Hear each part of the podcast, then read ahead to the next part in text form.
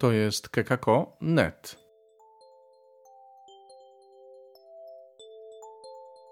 Między wiarą i nauką. Chrystus zmartwychwstał. Witajcie.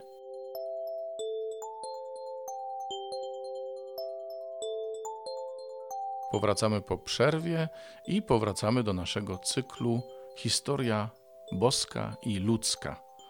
Dzisiaj profesor Sławomir Leciejewski będzie mówił o biblijnej historii zbawienia. Posłuchajcie.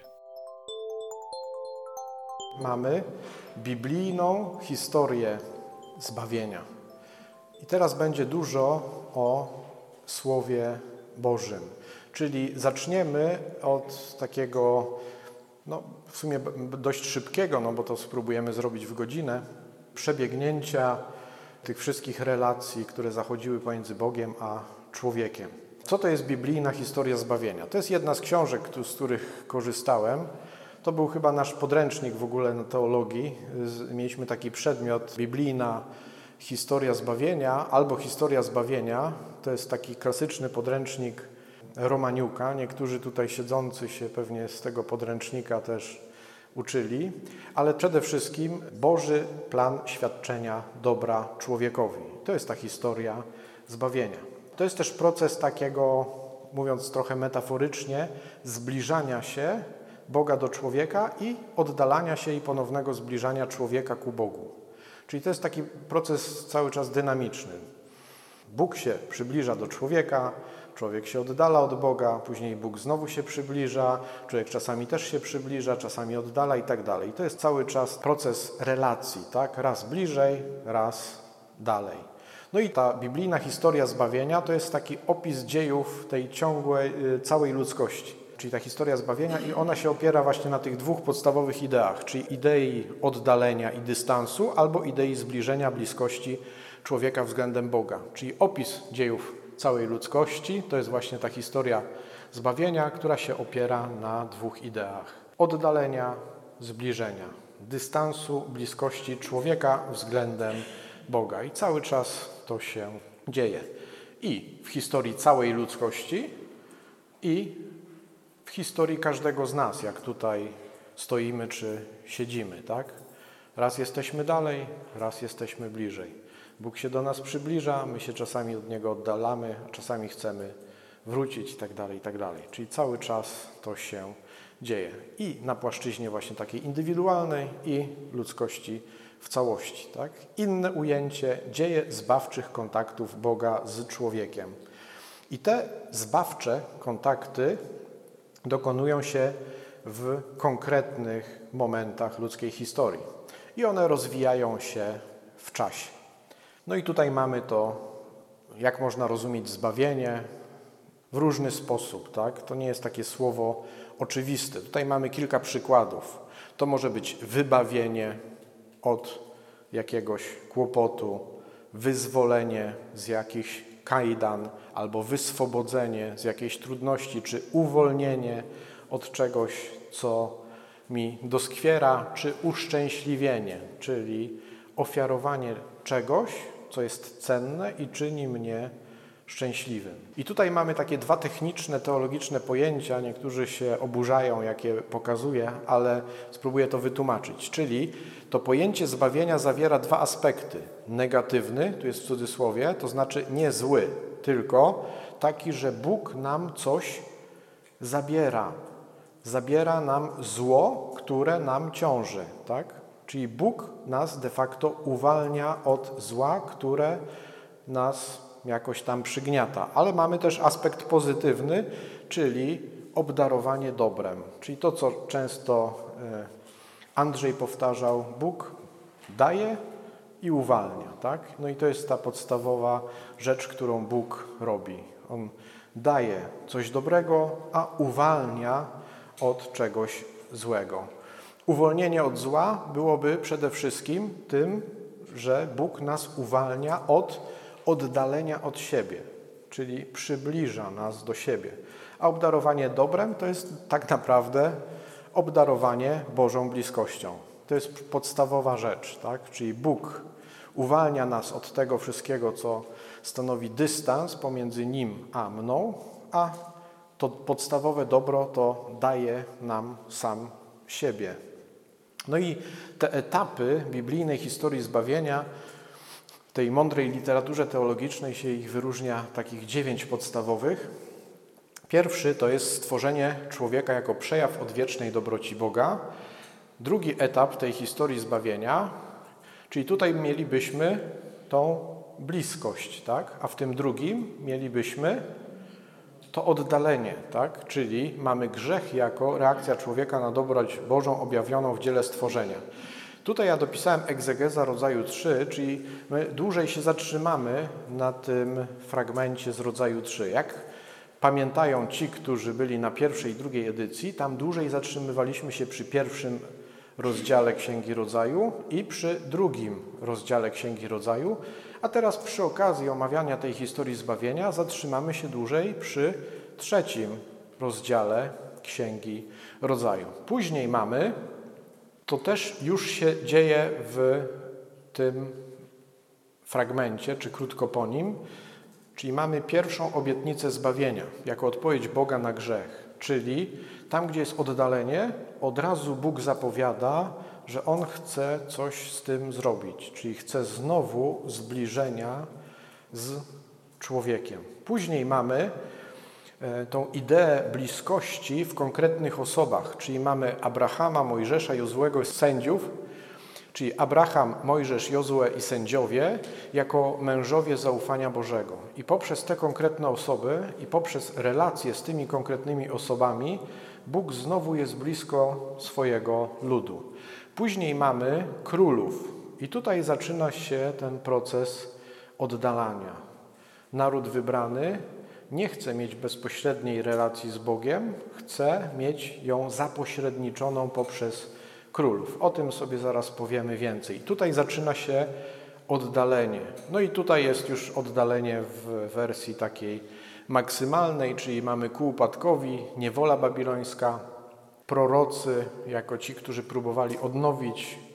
No i pojawia się idea reszty Izraela, że ci będą zbawieni, czyli ci znowu powrócą do tej pierwotnej bliskości. Oczywiście to wszystko zaczyna się wypełniać, czy nawet wypełnia się w Jezusie z Nazaretu, czyli tutaj mamy to wypełnienie proroctw mesjańskich i tą ideę maksymalnego zbliżenia Boga z człowiekiem w osobie Jezusa Chrystusa, który jest jednocześnie Bogiem i człowiekiem, więc już bliżej być nie może.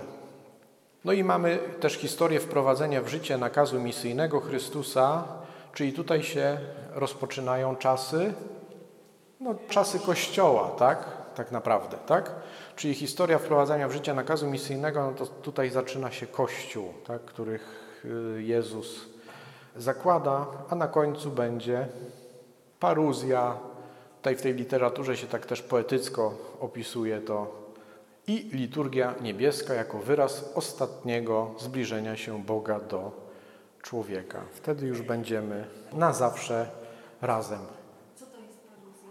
A, paruzja, tak, czyli powtórne, przepraszam, termin techniczny, teologiczny, przepisałem z książki, czyli powtórne przyjście Jezusa na ziemię. I to jest tak w prostych słowach ta paruzja, czyli Jezus przyjdzie ponownie do swojego ludu, żeby już z nim być na zawsze w sposób taki bezpośredni.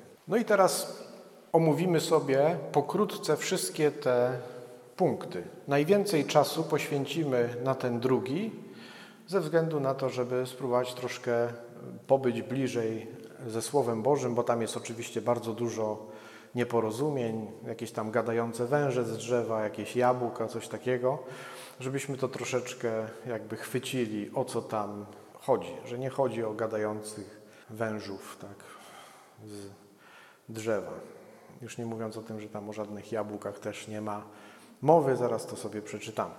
I ten pierwszy punkt to będzie tak naprawdę powtórka tego, co było na tych dwóch pierwszych edycjach. Czyli mamy stworzenie człowieka jako przejaw odwiecznej dobroci Boga i w Biblii mamy dwa różne opisy stworzenia. Tak? Jeden obecny w drugim rozdziale Księgi Rodzaju i jeden obecny w pierwszym rozdziale Księgi Rodzaju.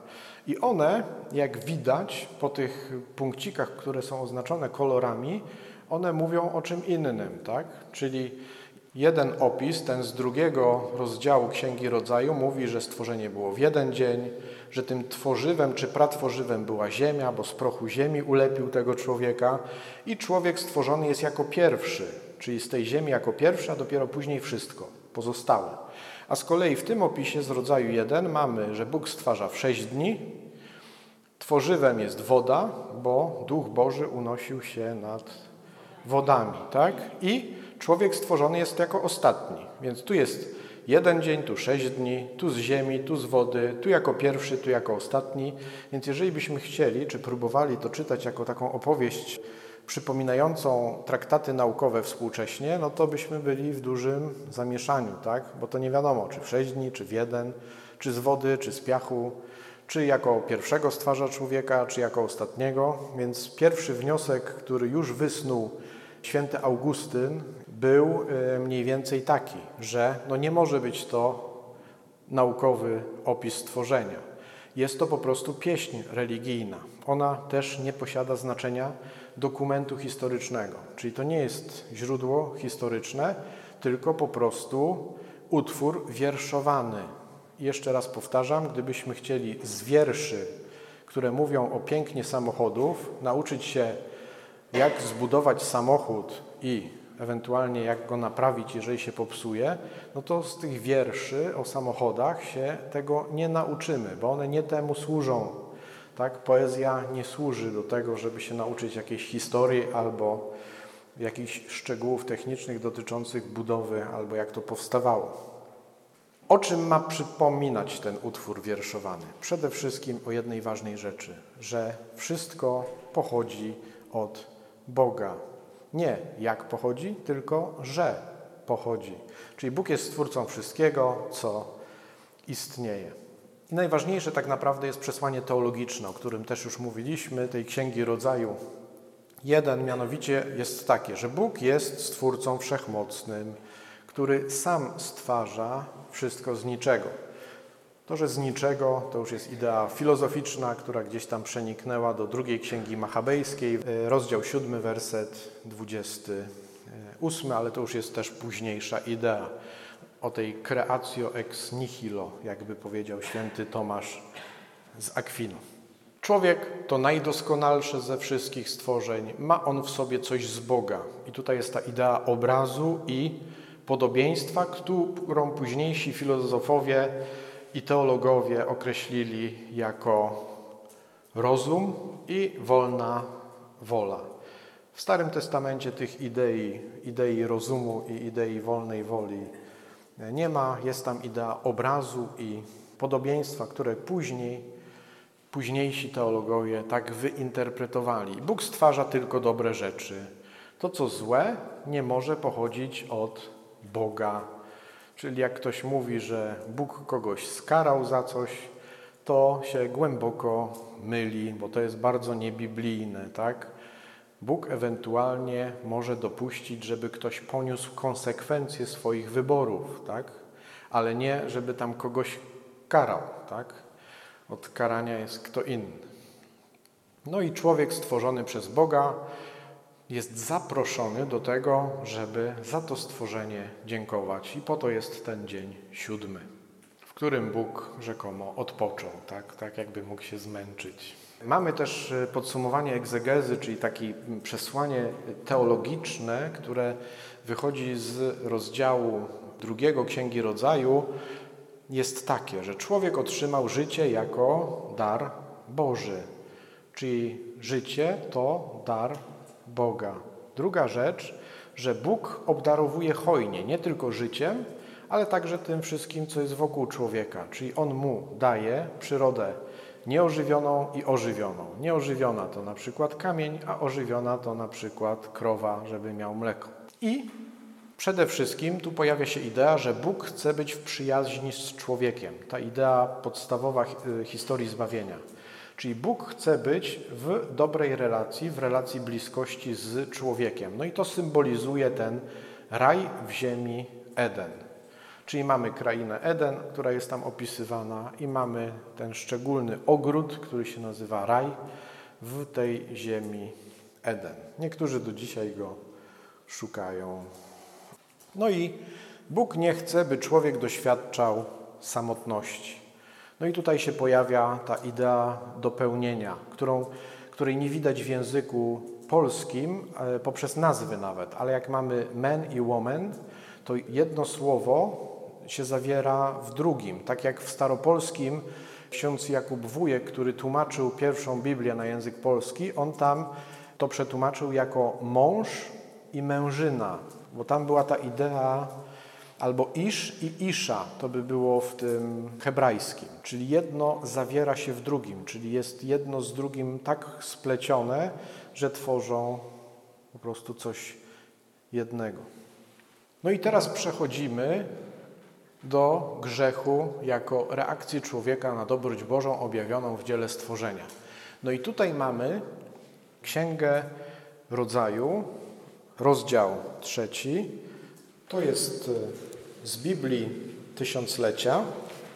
I żeby było naszym takim zwyczajem koinonijnym, to sobie przeczytamy to słowo każdy po cichu, tak?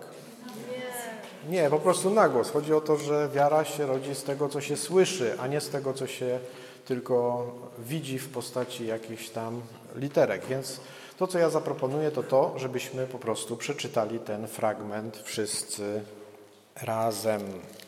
A wąż był bardziej przebiegły niż wszystkie zwierzęta lądowe, które Pan Bóg stworzył. On to rzekł do niewiasty. Czy rzeczywiście Bóg powiedział, nie jedzcie owoców ze wszystkich drzew tego ogrodu? Niewiasta odpowiedziała wężowi. Owoce z drzew tego ogrodu jeść możemy, tylko o owocach z drzewa, które jest w środku ogrodu, Bóg powiedział: Nie wolno wam jeść z niego, nawet go dotykać, abyście nie pomarli. Wtedy rzekł wąż do niewiasty: Na pewno nie umrzecie, ale wie Bóg, że gdy spożyjecie owoc z tego drzewa, otworzą się wam oczy i tak jak Bóg będziecie znali dobro i zło. Wtedy niewiasta spostrzegła na drzewo, to ma owoce dobre do jedzenia, że jest ono rozkoszą dla oczu i że owoce tego drzewa nadają się do zdobycia wiedzy. Zerwała zatem z niego owoc, skosztowała, dała swemu mężowi, który był z nią, a on zjadł.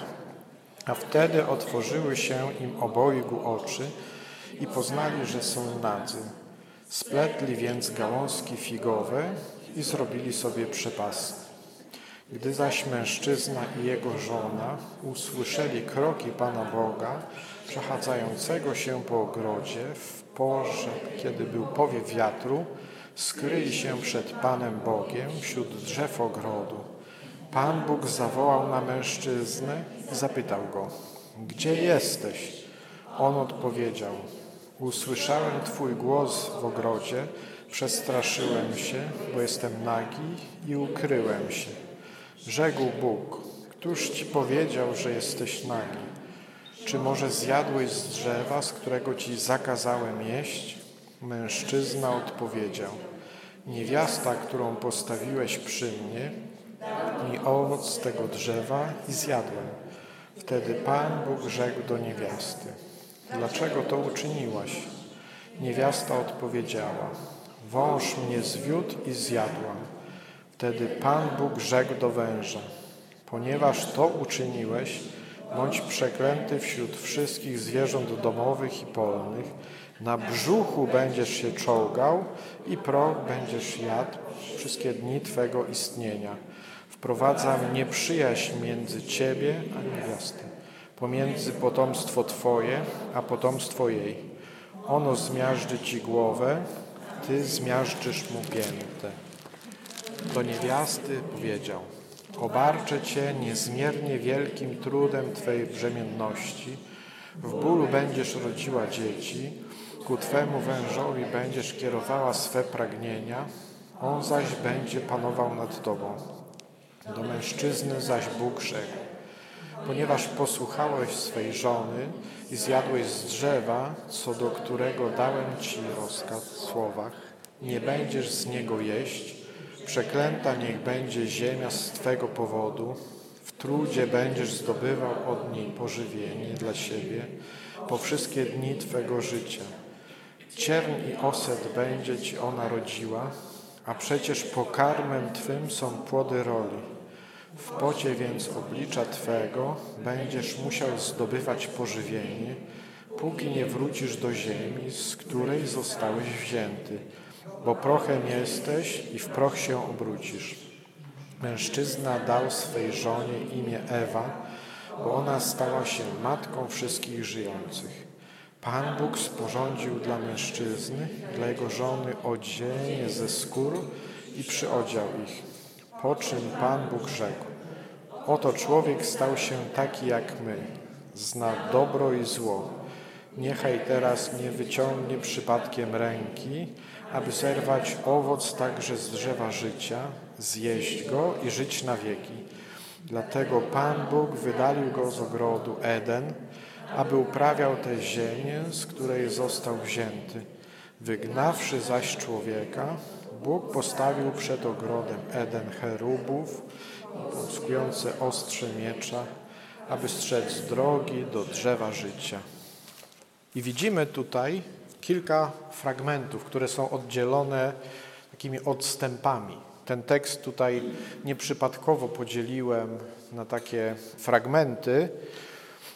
Jest taka większa interlinia. I zobaczmy, że tutaj mamy mądrzy teologowie, którzy się na ten temat wypowiadają, bibliści, wyróżniają tutaj kilka fragmentów. Tych pierwszych pięć wersetów z trzeciego rozdziału Księgi Rodzaju tytułują tak: Pierwsi rodzice kuszeni przez diabła. Kolejny fragment, czyli wersety 6 i 7, popełniają nieposłuszeństwo względem Boga, spożywając owoc zakazany.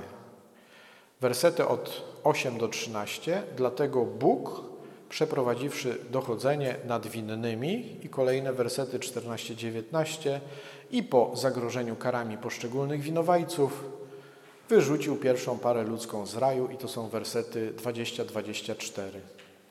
Czyli pierwsi rodzice kuszeni przez diabła popełniają nieposłuszeństwo względem Boga, spożywając owoc zakazany. Dlatego Bóg, przeprowadziwszy dochodzenie nad winnymi i po zagrożeniu karami poszczególnych winowajców, wyrzucił pierwszą parę ludzką z raju. I to jest jakby streszczenie, takie pierwsze przybliżenie, streszczenie tego, fragmentu, no ale na tym nie poprzestaniemy. Zobaczymy sobie troszeczkę głębiej te wszystkie pięć fragmentów. To będzie jakby nic nowego względem tego, co jest napisane w tej mądrej książce księdza profesora Brzegowego, Pięcioksiąg Mojżesza, wprowadzenie egzegeza, teologia. Jeszcze raz egzegeza to jakby takie wyciąganie sensu z tego tekstu żebyśmy nie pływali po nim tylko tak po wierzchu. No i tutaj na samym początku mamy, a wąż był bardziej przebiegły niż wszystkie zwierzęta lądowe, które Pan Bóg stworzył. No i tutaj pojawia się ta idea węża, czyli tego kusiciela, na początku pierwszego wersetu. I o co tutaj chodzi? No tutaj jakby z ostatniej księgi Pisma Świętego do, dowiadujemy się, kim jest ten wąż, czyli z Apokalipsy, 20 rozdział, drugi werset, no tam mamy wprost, tak, że chodzi o diabła. Ale tak naprawdę chodzi też o symbolikę, czyli w tych czasach, kiedy ten tekst był pisany, a był pisany mniej więcej 3000 lat temu, jak wtedy rozumiano ideę węża 3000 lat temu. I Wężom przypisywano wiele różnych znaczeń wtedy, czyli te 3000 lat temu. Czyli było to bóstwo wegetacji, żyzności i płodności, czyli takie zwierzę, które, jak myślano wtedy, zawsze sobie da radę Cokolwiek by się nie działo, to gdzieś tam się prześlizgnie, przeżyje i tak dalej, i tak. Tak? Czyli myślano o nim, że to jest coś takiego bardzo życiodajnego i trudno zniszczalnego. Czyli ktoś, kto jest gdzieś tam za życie odpowiedzialny. Też uznawano go za symbol demonów, to już bliżej do tego diabła. Środek do przepowiadania rzeczy tajemnych i przyszłych. Jak tam się wije odpowiednio, to coś można tam niby z tego wyciągnąć. Czyli coś, co zapewnia wiedzę, czyli nie dosyć, że jest życiodajne, to też jest odpowiedzialne za jakąś wiedzę tajemną. I środek do praktykowania czarnej magii, czyli takie rzeczy po części, które wprost sugerują, co takiego, że to jest Boży przyjaciel, czy raczej nieprzyjaciel? Raczej nieprzyjaciel, tak? No i właśnie zwłaszcza to, ten symbol demonów, czy środek do praktykowania czarnej magii, to by były te takie rzeczy bardzo negatywne, przeciwstawiające się Bogu, a to, te dwa, czyli żyzność, płodność, czy coś, co umożliwia poznanie jakiejś wiedzy tajemnej, no to byłoby jakoś tam atrakcyjne, tak? Czyli z jednej strony mamy pewne rzeczy, które są tam w tym wężu uznawane za atrakcyjne, a inne takie, że no gdzieś tam z Bogiem nie mają nic wspólnego. I ta symbolika, ona jest bardzo ważna, tak? Bo myślano, że od tego węża można coś fajnego przy okazji wyciągnąć. Przynajmniej tak wtedy rozumiano istotę bycia wężem. Ale tu, jakby po pójściu za tymi propozycjami tego węża, się okazuje, że nic z tych dobrych rzeczy się nie dzieje, tak? które z tym wężem wtedy wiązano. Tak? Z żadnego z tych dóbr rzekomo pochodzących od węża, czyli życia, tej mądrości, poznania jakiegoś tam żywności, czyli bycia życiodajnym, czy przeżywania w różnych okolicznościach, no nie da się uzyskać od tego węża, tylko to są wszystko rzeczy, które tak naprawdę można uzyskać od Boga, bo Bóg jest dawcą dobra, a nie ten wąż, tak? I tak naprawdę, jak mówią bibliści, ten gadający wąż to nie jest postać realna, tylko symbol literacki, który był wtedy użyty, tak? Węża użyto jako coś, co wtedy z nim wiązano, tak? że są to rzeczy, które są Bogu przeciwne, ale są też rzeczy tam atrakcyjne w tym wężu. Wtedy tak rozumiano. Dzisiaj też pewnych słów używamy nie w ich znaczeniu dosłownym, tylko coś, co one tam za sobą niosą.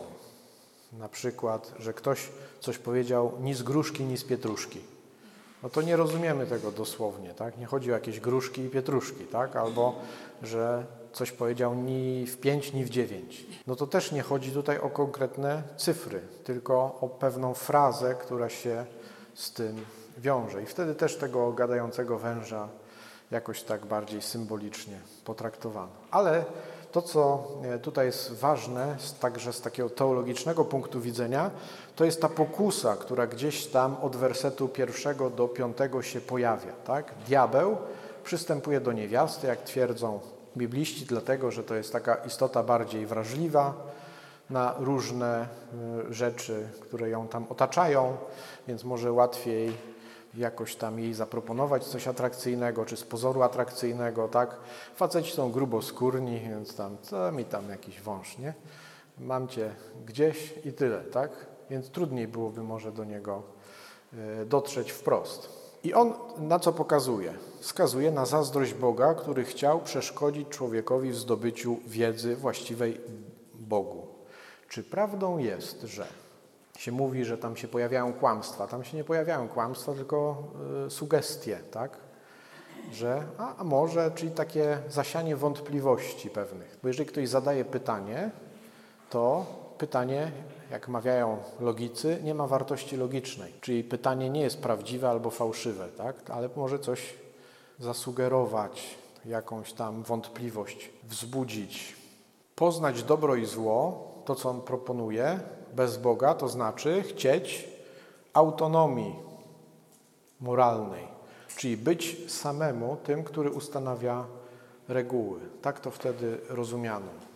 Czy jak poznam dobro i zło, to wszystko, co jest w tym świecie, co jest jakąkolwiek regułą, zasadą, przykazaniem, to jest zależne ode mnie. Czyli ja ustanawiam reguły dla tego świata. Poznaję dobro i zło, to znaczy, że ja jestem regułodawcą, a nie Bóg.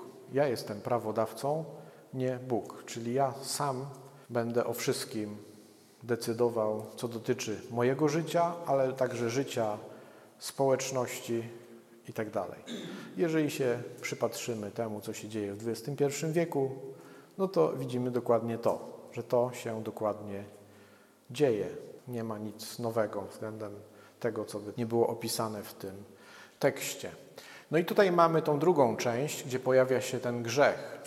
Na początku pojawia się nieufność względem Boga, czyli także chęć niezależności. I to jest ten grzech wewnętrzny, czyli ja już zaczynam wątpić, czy Bóg jest Bogiem dobrym, czy chce dla mnie tego, co najlepsze. Czy Bóg może nie jest tym, który coś przede mną ukrywa, a warto byłoby to odkryć i mieć dla siebie. Ale to nie jest jeszcze żadne działanie, tak? tylko to są pewne rzeczy, które się rozgrywają w mojej głowie. Później niewiasta zobaczyła, że drzewo to ma owoce dobre do jedzenia, czyli że są atrakcyjne w sensie spożywczym. A jak coś jest atrakcyjne w sensie spożywczym, no to też jest życiodajne w tym sensie, że jak ja nic nie jem, no to umrę z głodu, tak? a jak się najem, to przeżyję dłużej. Tak? Więc tutaj jest ta idea, że no to jest coś, co się nadaje do podtrzymywania życia. I ujrzała, że są one rozkoszą dla oczu i nadają się do zdobycia wiedzy, czyli rozkoszą dla oczu, czyli mamy tutaj taką ideę przyjemności zmysłowej, coś jest takie atrakcyjne zmysłowo, wizualnie, ale także obiecujące powodzenie w zdobyciu wiedzy, czyli jest ten wąż, szatan, który obiecuje, że no tutaj masz przed sobą coś, co nie dosyć, że jest zmysłowo atrakcyjne, to jeszcze może być użyteczne praktycznie. To jest coś, co da ci wiedzę. Już nie Bóg jest tym, który daje wiedzę, tylko coś innego, co Bogiem nie jest. Czyli nie Stwórca jest tym, który daje wiedzę, tylko Jego stworzenie, tylko i wyłącznie. Tak? Jest atrakcyjne, nie Bóg sam w sobie, tylko to, co On tam zrobił. No i tutaj niewiasta zerwała owoc i zjadła. Tam nie jest, tu jest chyba skosztowała, tak? Skosztowała. Tam jest bardziej słowo, które sugeruje zżarła, tak? A nie, że skosztowała tak subtelnie. Tu mamy ten grzech zewnętrzny, czyli było jakieś polecenie, masz tysiąc drzew, możesz skorzystać z 999, czyli zdecydowana większość, masz jedno albo dwa w innych interpretacjach, bo tam czasami się mówi o dwóch drzewach i z tego może nie. Masz 999 dla siebie, albo może ileś tysięcy, jedno nie. No i akurat się okazuje, że ten tam wąż zwraca uwagę na to jedno, które miało być nie. No i tu się pojawia ten grzech zewnętrzny, czyli jakiś czyn. Nie tylko myśli, ale także działanie.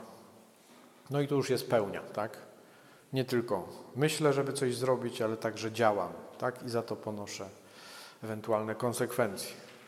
I to jest też mocny fragment, ale tu jakby nie chodzi o relacje damsko-męskie, warto o to podkreślić, tak? Bo tu akurat jest taki przykład, że ta uwiedziona niewiasta staje się teraz uwodzicielką mężczyzny i takim samym kusicielem, jakim był dla niej szatan. I tu nie chodzi o relacje damsko-męskie, tylko o pewien mechanizm ogólny, czyli ten, kto coś źle zrobił, zaczyna wciągać innych w to samo, tak? Stylu, a co, ze mną się nie nabijesz? I tutaj jest jakby ten mechanizm, że mi się coś nie udało, to już niech wszyscy mają przesrane. Przepraszam. Co mam być sam? Taki głupi, nie? Niech wszyscy będą ze mną. I to jest właśnie to, nie? Ktoś, kto jest, to jest pewien mechanizm, nie? Zwiedziony, to zaczyna też wchodzić w tą rolę niestety i propaguje pewne durne idee dalej. No i mamy, że ten grzech powodowany był pychą i chęcią zrównania się ze Stwórcą oraz uniezależnienia się całkowicie od Jego woli. Tak zaczęła się historia grzechu, który później w teologii został nazwany grzechem pierworodnym. Jak się pytam różnych mądrych teologów, żeby mi wyjaśnili istotę grzechu pierworodnego, to tam kręcą nosem, nie za bardzo wiedzą, jak to wyjaśnić, więc ja też nie będę wyjaśniał. W każdym razie y, zaczyna się historia grzechu. Warto pamiętać, że też w teologii to się e, określa mianem historia etiologiczna, takie trudne słowo, ale chodzi o to, że to jest taka próba wyjaśnienia obecnego stanu człowieka na bazie wydarzeń z bliżej nieokreślonej przeszłości. Czyli jest jakaś kicha współcześnie, czyli widzimy grzech w świecie, to próbujemy to wyjaśnić poprzez odwołanie się do jakiejś historii z przeszłości, tak? Czyli żeby sobie to jakoś wyjaśnić, bo skoro Bóg jest dobry, no to skąd ten grzech, nie? I żeby to sobie jakoś wykoncypować, bo, bo jeżeli bym powiedział, że Bóg jest za wszystko odpowiedzialny i bym widział grzech w świecie, no to musiałbym powiedzieć, że za grzech jest odpowiedzialny kto? Bóg, nie? No a to się z ideą Boga zupełnie nijak ma, tak? O tym troszeczkę będzie piąta edycja konferencji Ewolucja Stworzenie, czyli o problemie zła w świecie z perspektywy teologicznej i z perspektywy też naukowej. Taka przerwa na reklamę. E, skutki grzechu. To widzimy w wersetach siódmym i ósmym. Znika harmonia między ciałem i duchem. Ludzie zaczynają się wstydzić, czyli znika taka wewnętrzna harmonia pomiędzy tym, co ja myślę o sobie, tym, co jest gdzieś tam mną w sensie zewnętrznym i też kontekst otoczenia. Tak? Pojawia się też lęk przed Bogiem. Ludzie się zaczynają chować. No i to są te dwie podstawowe rzeczy, czyli wstyd i później lęk, tak? Ale kicha wyszła, nie? I teraz trzeba będzie ponieść konsekwencje, nie? Oczywiście większość ucieka przed konsekwencjami i pojawia się jeszcze większy lęk i jeszcze większy wstyd. I spiralka narasta. Później pojawia się taki fragment, wersety 9-13, który został nazwany jako Boże przesłuchanie. Ludzie ukrywają się przed Bogiem. No i tutaj jest to zerwanie tej relacji, tak? To już człowiek ucieka przed Bogiem. Wcześniej był blisko. Dalej mamy, że mężczyzna usprawiedliwia to przez nagość. A kto mu powiedział o tej nagości? Nie, nie za bardzo wiadomo, tak? Więc pojawiają się tam jakieś dziwne usprawiedliwienia, to sobie wymyślam. Albo wszyscy tak robią, tak? Teraz byśmy powiedzieli. Nie będę płacił ZUS-u, bo tak wszyscy unikają płacenia ZUS-u, tak? Więc po co? Albo po co mam płacić podatki, nie? Lepiej zakombinować, no takie z przestrzeni ekonomicznej, nie? Albo co będę frajerem i będę jechał 90 na godzinę, jak wszyscy tu jadą 120, nie? I tych przykładów można mnożyć, nie? Zawsze jakieś usprawiedliwienie się znajdzie. No i oczywiście to nie ja jestem winny, tylko winny jest kto inny. Nie jestem winny, winny jest kto inny. Mężczyzna zrzuca winę za swój upadek oczywiście na niewiastę. A to jest tak naprawdę oskarżenie nie tylko niewiasty, ale samego Boga, tak? Przecież Ty mi ją dałeś, to po co żeś mi ją dał, tak? Co to za pomoc dla mnie, nie? Mi tu przyniosła jakieś tam owoc. To nic, że on tam, jak czytamy w tekście, był przy niej, nie? Cały czas. Więc on to wszystko widział, co tam się dzieje. Nie zareagował. A oczywiście niewiasta to nie ja jestem winna, to ten wąż. To po coś go tam stworzył w ogóle. No i też jest znowu, że to nie ja, tylko ktoś inny, a w zasadzie to Bóg jest za to odpowiedzialny. Nie? Mógł nie stwarzać węża, albo mógł nie stwarzać niewiasty. Czyli mamy zrzucanie winy na innych, a w konsekwencji zawsze oczywiście Bóg jest winny. No i później mamy ten fragment, wersety 14-19, które są określone jako wyrok na przestępców. Bóg przeklina szatana i zapowiada jego klęskę ze strony rodzaju ludzkiego. Czy Bóg przeklina człowieka? Bo tutaj jest, ponieważ to uczyniłeś, bądź przeklęty wśród wszystkich zwierząt domowych. A o człowieku mówi o nieprzyjaźni, o trudzie. Czyli nie ma bądź przeklęty człowieku, tak? Czyli nie chce mieć z tobą nic wspólnego. Bóg mówi do szatana, nie chce mieć z tobą nic wspólnego. Ale do człowieka tak nie mówi, tak? Więc to jest też już początek dobrej nowiny. Bóg nie przeklina ludzi, jedynie zapowiada cierpienia.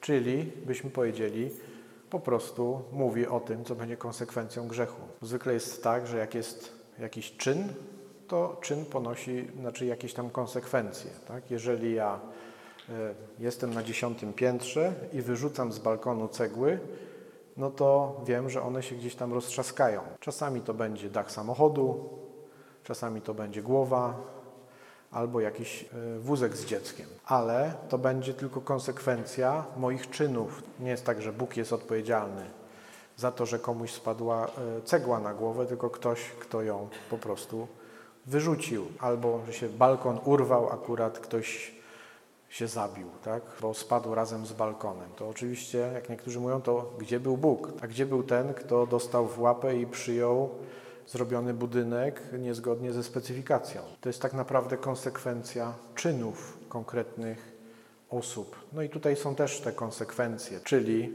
kobieta to są te boleści związane z macierzyństwem czy z porodem, zapragnienie życia i przyjemności ma coś dokładnie odwrotnego, czyli życie się zaczyna, ale nie jest to zbyt przyjemne. Czyli chce przyjemności, dostaje coś odwrotnego i poddanie mężowi, chce mieć władzę, czyli chce poznać dobro i zło, czyli chce mieć pełną władzę, a uzyskuje coś, co w tamtej kulturze było oczywiste, współcześnie nie jest oczywiste, takie poddanie swojemu mężowi. Czyli chce mieć władzę, a dostaje dokładnie coś odwrotnego. I to z grzechem doskonale wiemy, tak bywa. A miało być tak pięknie, a wyszło jak zawsze, czyli odwrotnie.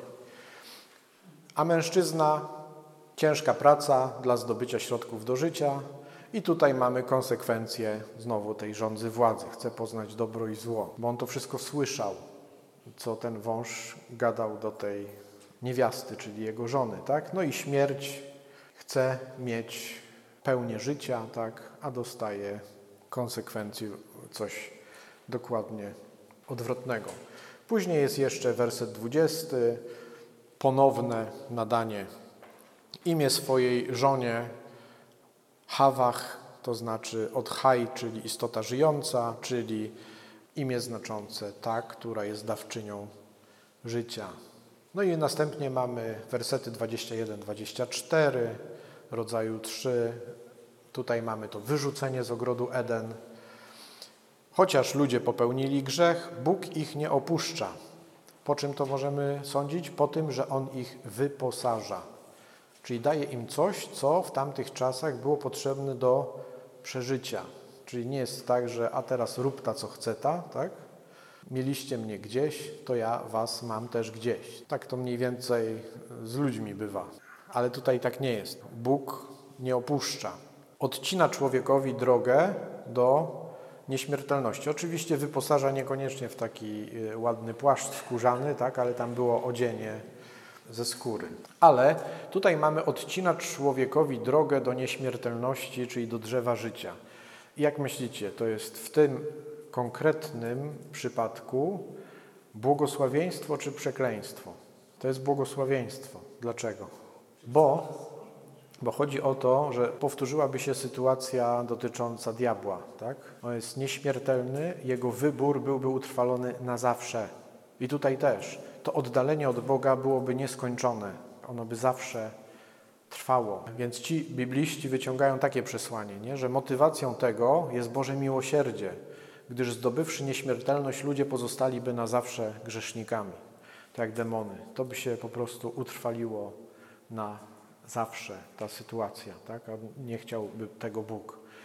Podsumowanie, Ustalona dzięki pierwotnej sprawiedliwości harmonia, w której żyli pierwsi rodzice, została zniszczona, zostało zerwane panowanie duchowych władz nad ciałem, jedność mężczyzny i kobiety została poddana napięciom, ich relacje będą naznaczone pożądaniem i chęcią panowania. Została zerwana harmonia ze stworzeniem. Stworzenie widzialne stało się wrogie i obce człowiekowi. Na koniec realizuje się wyraźnie zapowiedziana konsekwencja nieposłuszeństwa. Śmierć weszła w historię ludzkości. No i to jest jakby podsumowanie tego, o czym y, mówiliśmy, ale także w rozdziale tym trzecim pojawia się protoewangelia, czyli zapowiedź rozwiązania tego problemu, który się tutaj pojawił w wersecie 15. Mamy zapowiedź zwycięstwa najprawdopodobniej jakiegoś indywidualnego potomka niewiasty nad wężem kusicielem, czyli nad szatanem. Wprowadzam nieprzyjaźń między ciebie i niewiastę, pomiędzy potomstwo twoje, a potomstwo jej. Tutaj mamy w tej wersji ono zmiażdży ci głowę. W oryginale nie ma liczby mnogiej, tylko jest liczba pojedyncza. Tam powinno być pomiędzy potomstwo Twoje, a potomstwo jej. On zmiażdży Ci głowę, a Ty zmiażdżysz mu piętę. On, czyli jedna osoba. Tutaj już jest wąż ponosi klęskę, zapowiedź, tak? To jednak nie ustąpi, będzie usiłował zaszkodzić potomstwu niewiasty, co widzimy do dnia dzisiejszego. Bibliści twierdzą, że mamy podstawy, aby przyjąć, że u progów dziejów ludzkości Bóg dał zapowiedź i obietnicę nie tylko Mesjasza, ale także jego matki, czyli tej, która zwycięża grzech poprzez swojego potomka. W tym fragmencie w ogóle jest pominięty mężczyzna, co jest dla tamtych czasów nie do pomyślenia. Tam mężczyźni byli na pierwszym planie. A tutaj w tym fragmencie Wprowadzam nieprzyjaźń między ciebie i niewiastę, pomiędzy potomstwo twoje, a potomstwo jej. On zmiażdży ci głowę, ten potomek, a ty zmiażdżysz mu piętę. Czyli tu nie ma nic o mężu żadnym, tylko jest o niewieście i jej potomku. Stąd ta idea tutaj taka, jak się domyślamy, mariologiczna się e, pojawia tej takiej najbardziej sensownej interpretacji. Okej. Okay. E, przechodzimy do kolejnego etapu historii zbawienia, teraz już tak mam nadzieję szybciej. W postawie i działalności patriarchów uderza ich szczególna zażyłość z Bogiem. Poprzestają z Nim na co dzień i przedstawiają Mu swoje kłopoty i sprawy całego narodu. Czyli mamy taki trochę powrót do tego, co tam było w raju na początku, że oni się przechadzają z Bogiem, są bardzo blisko znowu. I w osobach tych patriarchów ludzkość znowu znajduje się blisko Boga. Abraham, Mojżesz, Jozue i sędziowie, mężami zaufania Bożego. I ten Abraham to taki żywy przykład bezwzględnej uległości Bogu. Znamy historię Abrahama. Mojżesz, pośrednik w realizacji planów zbawienia. W tym wypadku ocalenia narodu wybranego z niewoli, czyli zbawienia z niewoli.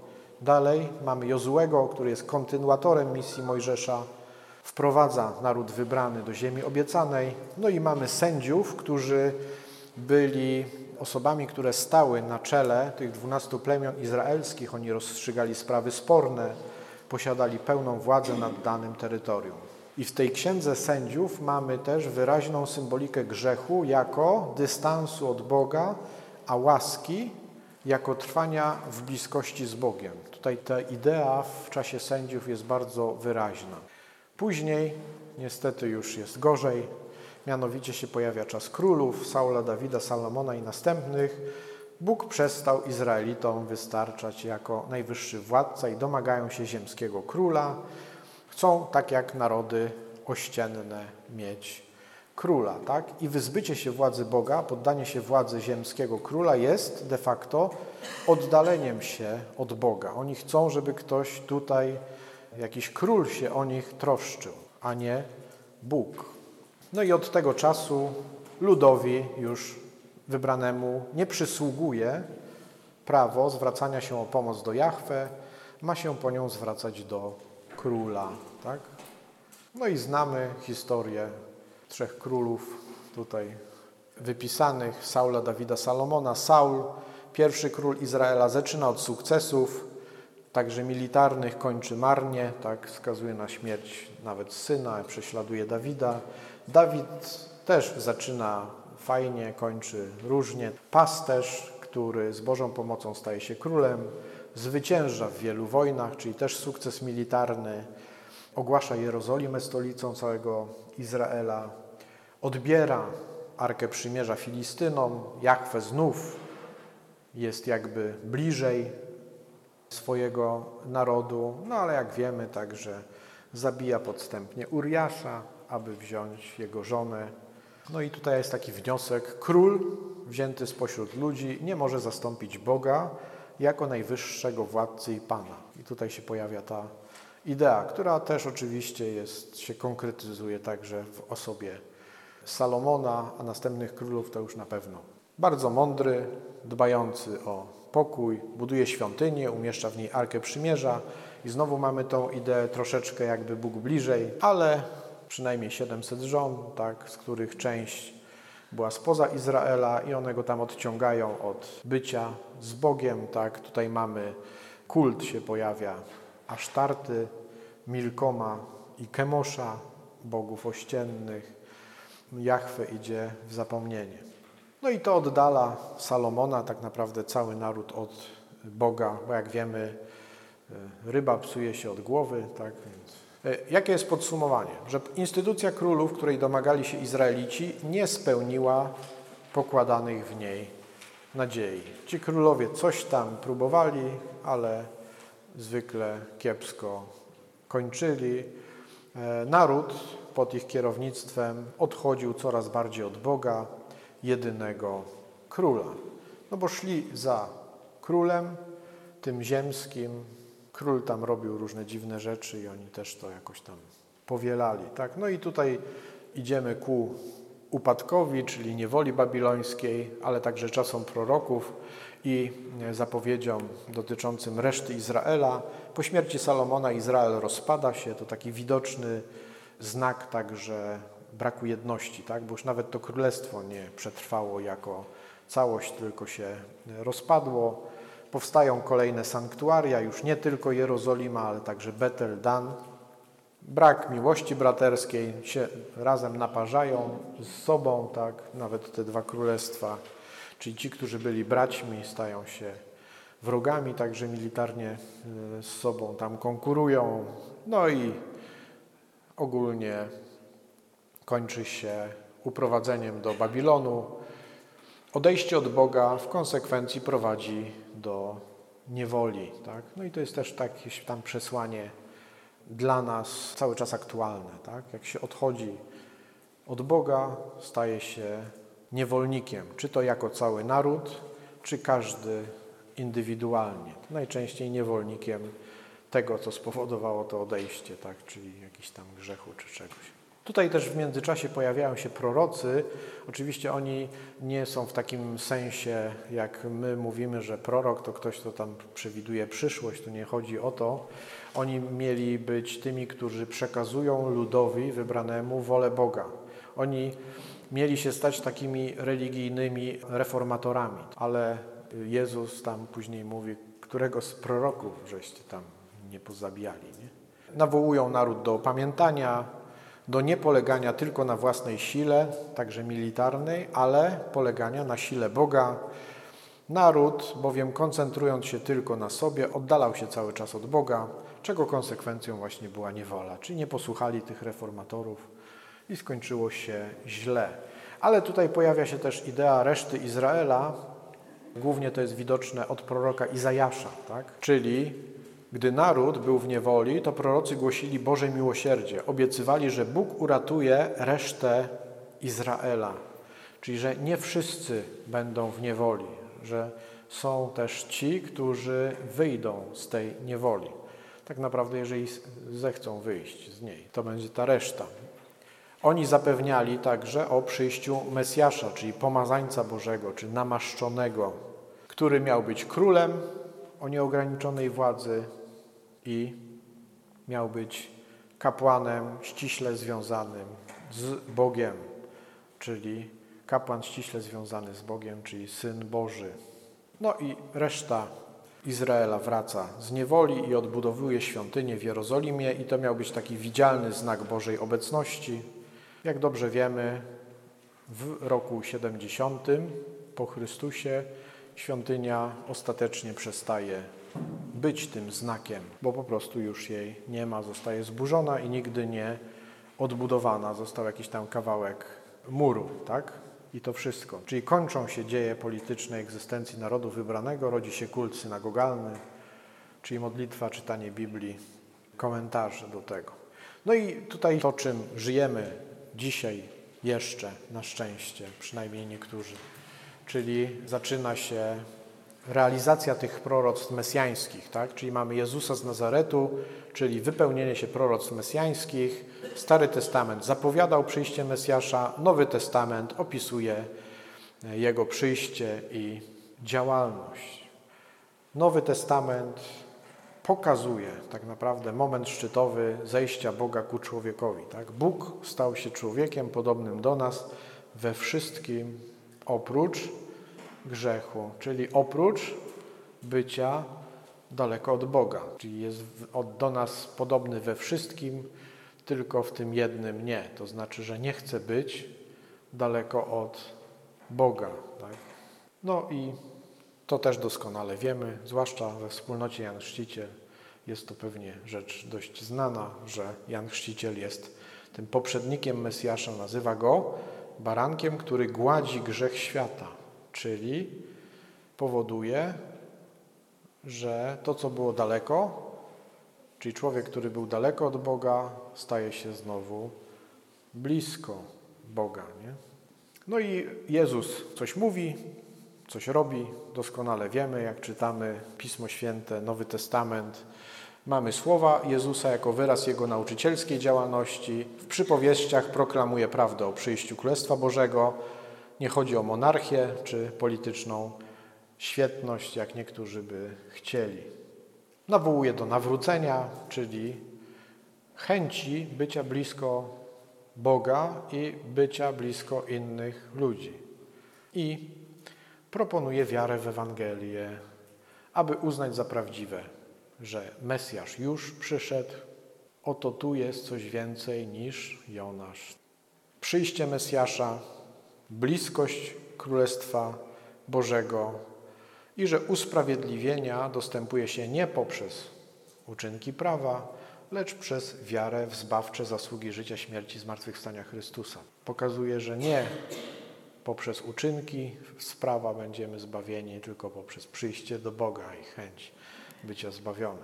E, są też ziemskie czyny, Niektórzy to miksują i wtedy to miksowano, tak? To znaczy są dwa rodzaje tych czynów, czyli wypędzanie złych duchów jako znak przyjścia Królestwa Bożego i cudowne uleczenia. Wtedy to miksowano w jedno, tak? Czyli jakby wypędzanie złych duchów, czyli ten, kto oddala człowieka od Boga, e, już dla niego miejsca w człowieku nie ma, tak? Bo przychodzi Jezus, i wszystko to, co oddala, musi być wyrzucone, tak? No i to jest ta idea wyrzucania złych duchów. No i są też cudowne uleczenia. Niektórzy się tym e, najbardziej pasjonują, tak? Ale to jakby w tej misji Jezusa nie było pierwszoplanowe, tak? Bo on chciał zbawić całego człowieka, a nie tylko i wyłącznie go tam uleczyć. Zresztą nie uleczył wszystkich ludzi, bo z wszystkimi się nie spotkał, tak? Więc ale wielu uleczył przy okazji wypędzając złe duchy.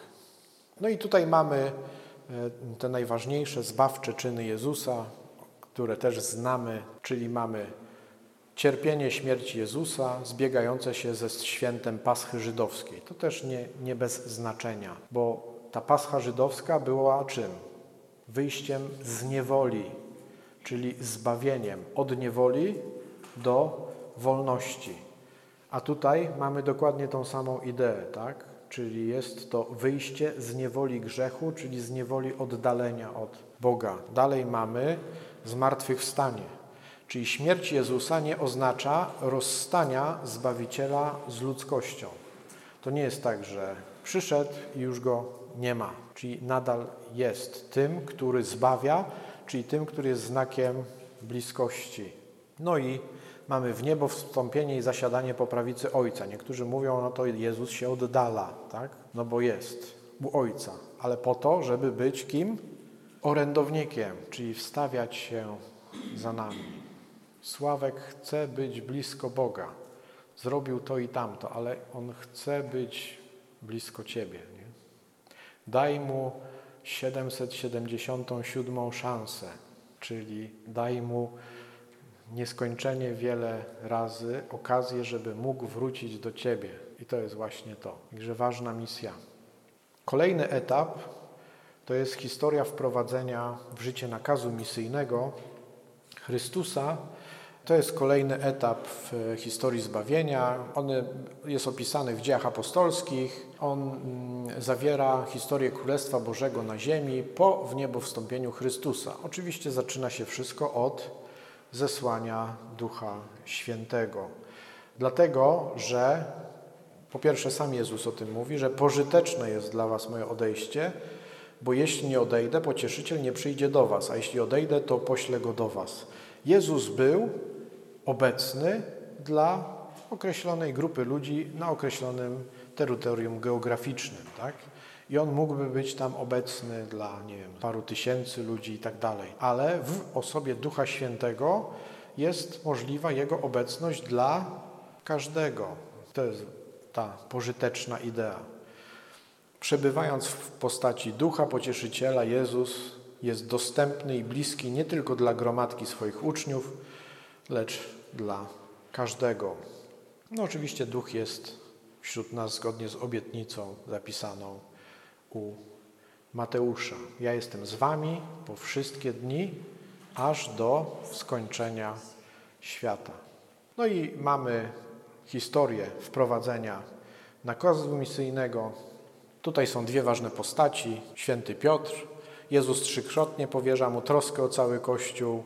Jest niejako zastępcą Chrystusa tu na ziemi i to jest bardzo ważna idea, która się tutaj pojawia w kontekście Piotra. W osobie Korneliusza wprowadza do kościoła wszystkich pogan, czyli Bóg Izraela nie jest już tylko Bogiem Izraela, ale Bogiem pogan, czyli wszystkich ludzi, czyli wszystkich tych, którzy są poza Izraelem. No i my z tego korzystamy jakoś do dzisiaj. No i jest święty Paweł, druga ważna postać tej realizacji tego nakazu misyjnego. Celem jego powołania i wybrania było głoszenie dobrej nowiny wśród pogan i naucza głównie o zbawczym dziele Chrystusa, którego istotę stanowi nie sama śmierć, ale całe życie, męka, śmierć, zmartwychwstanie, w niebo wstąpienie i zasiadanie po prawicy Ojca. Czyli on naucza o całym, całym życiu Jezusa. I wszystko, jak twierdzi, wszystko jest ważne, tak? Czyli wszystko to, co robił Jezus, jest ważne. Nie tylko Jego męka, śmierć i e, zmartwychwstanie, czy w niebo wstąpienie i zasiadanie po prawicy Ojca, ale totalnie wszystko jest czynem zbawczym. No i później mamy tą paruzję, czyli powtórne przyjście e, Jezusa, liturgia niebieska jako wyraz ostatniego zbliżenia się Boga do człowieka. No i tutaj mamy kilka cytatów, o tym nie będę za wiele mówił, bo to pewnie ani oko nie widziało, ani ucho nie słyszało, co Bóg przygotował tym, którzy pozwalają się Mu kochać, tak? mówiąc tak kerygmatycznie. Nasza ojczyzna jest w niebie, tak?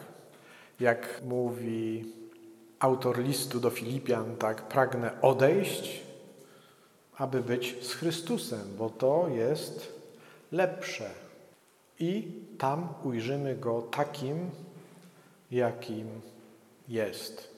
No i to jest jakby, są obietnice tej ojczyzny w niebie i zobaczenia Go takim, jakim jest, to jest właśnie ta obietnica dla nas. No i teraz krótkie podsumowanie. Biblijną historię zbawienia oczywiście możemy sobie streścić do, z dziewięciu punktów do sześciu. Jest to dość oczywiste dla niektórych. Czyli mamy to stworzenie, o którym mówiliśmy, która jest przejawem miłości Boga, tak? Z miłości się stwarza, tak? Chce się czegoś dobrego dla innych. Później mamy tą ideę odejścia, tak? Od Boga, czyli mówiliśmy sobie o grzechu jako odejściu od Boga, czyli zerwania tej bliskości. Później są różne perypetie, coś tam się zadzieje, ale tak naprawdę powrót do tej pierwotnej jedności tutaj to nam zagwarantował kto? Jezus Chrystus, tak? Czyli mamy tą ideę zbawienia. I to jest ta jedność Boga z człowiekiem w Jezusie i poprzez Jezusa także dla nas. Później mamy tą ideę powrotu, czyli ja muszę chcieć, bo nie tylko to, co zrobił Jezus jest ważne, ale ja muszę też chcieć być blisko, tak? Bo Bóg mnie nie będzie ciągnął na siłę, tylko będzie mnie zapraszał, że to wszystko i stworzenie, to co stworzyłem, jest dla Ciebie. Możesz być blisko mnie, więc możesz się zdecydować. Chcę być blisko, czy nie chcę być blisko. Wierzę, że Bóg jest Stwórcą, że Bóg zbawia, że Bóg chce najlepiej. No i to jest ta idea powrotu, którą my sobie streszczamy w dwóch słowach. Wiara i nawrócenie, czyli wiara, wierzę w to, co Bóg zrobił dla mnie, no i nie chcę już chodzić swoimi drogami, daleko od Boga, tylko chcę być blisko. Później Kościół zaczyna się od, od Ducha Świętego, który też posyła, tak? Idźcie na cały świat i głoście dobrą nowinę i tak dalej. Bez Ducha Świętego to tam nic by się nie udało. I tutaj mamy posłanie, tak? W mocy Ducha Świętego. No, tutaj mamy streszczoną pewną tą część. No i to się realizuje, ta misja posłania w jakiej instytucji? W Kościele, nie? No i tu mamy tą misję, e, czyli realizacja posłania w Kościele.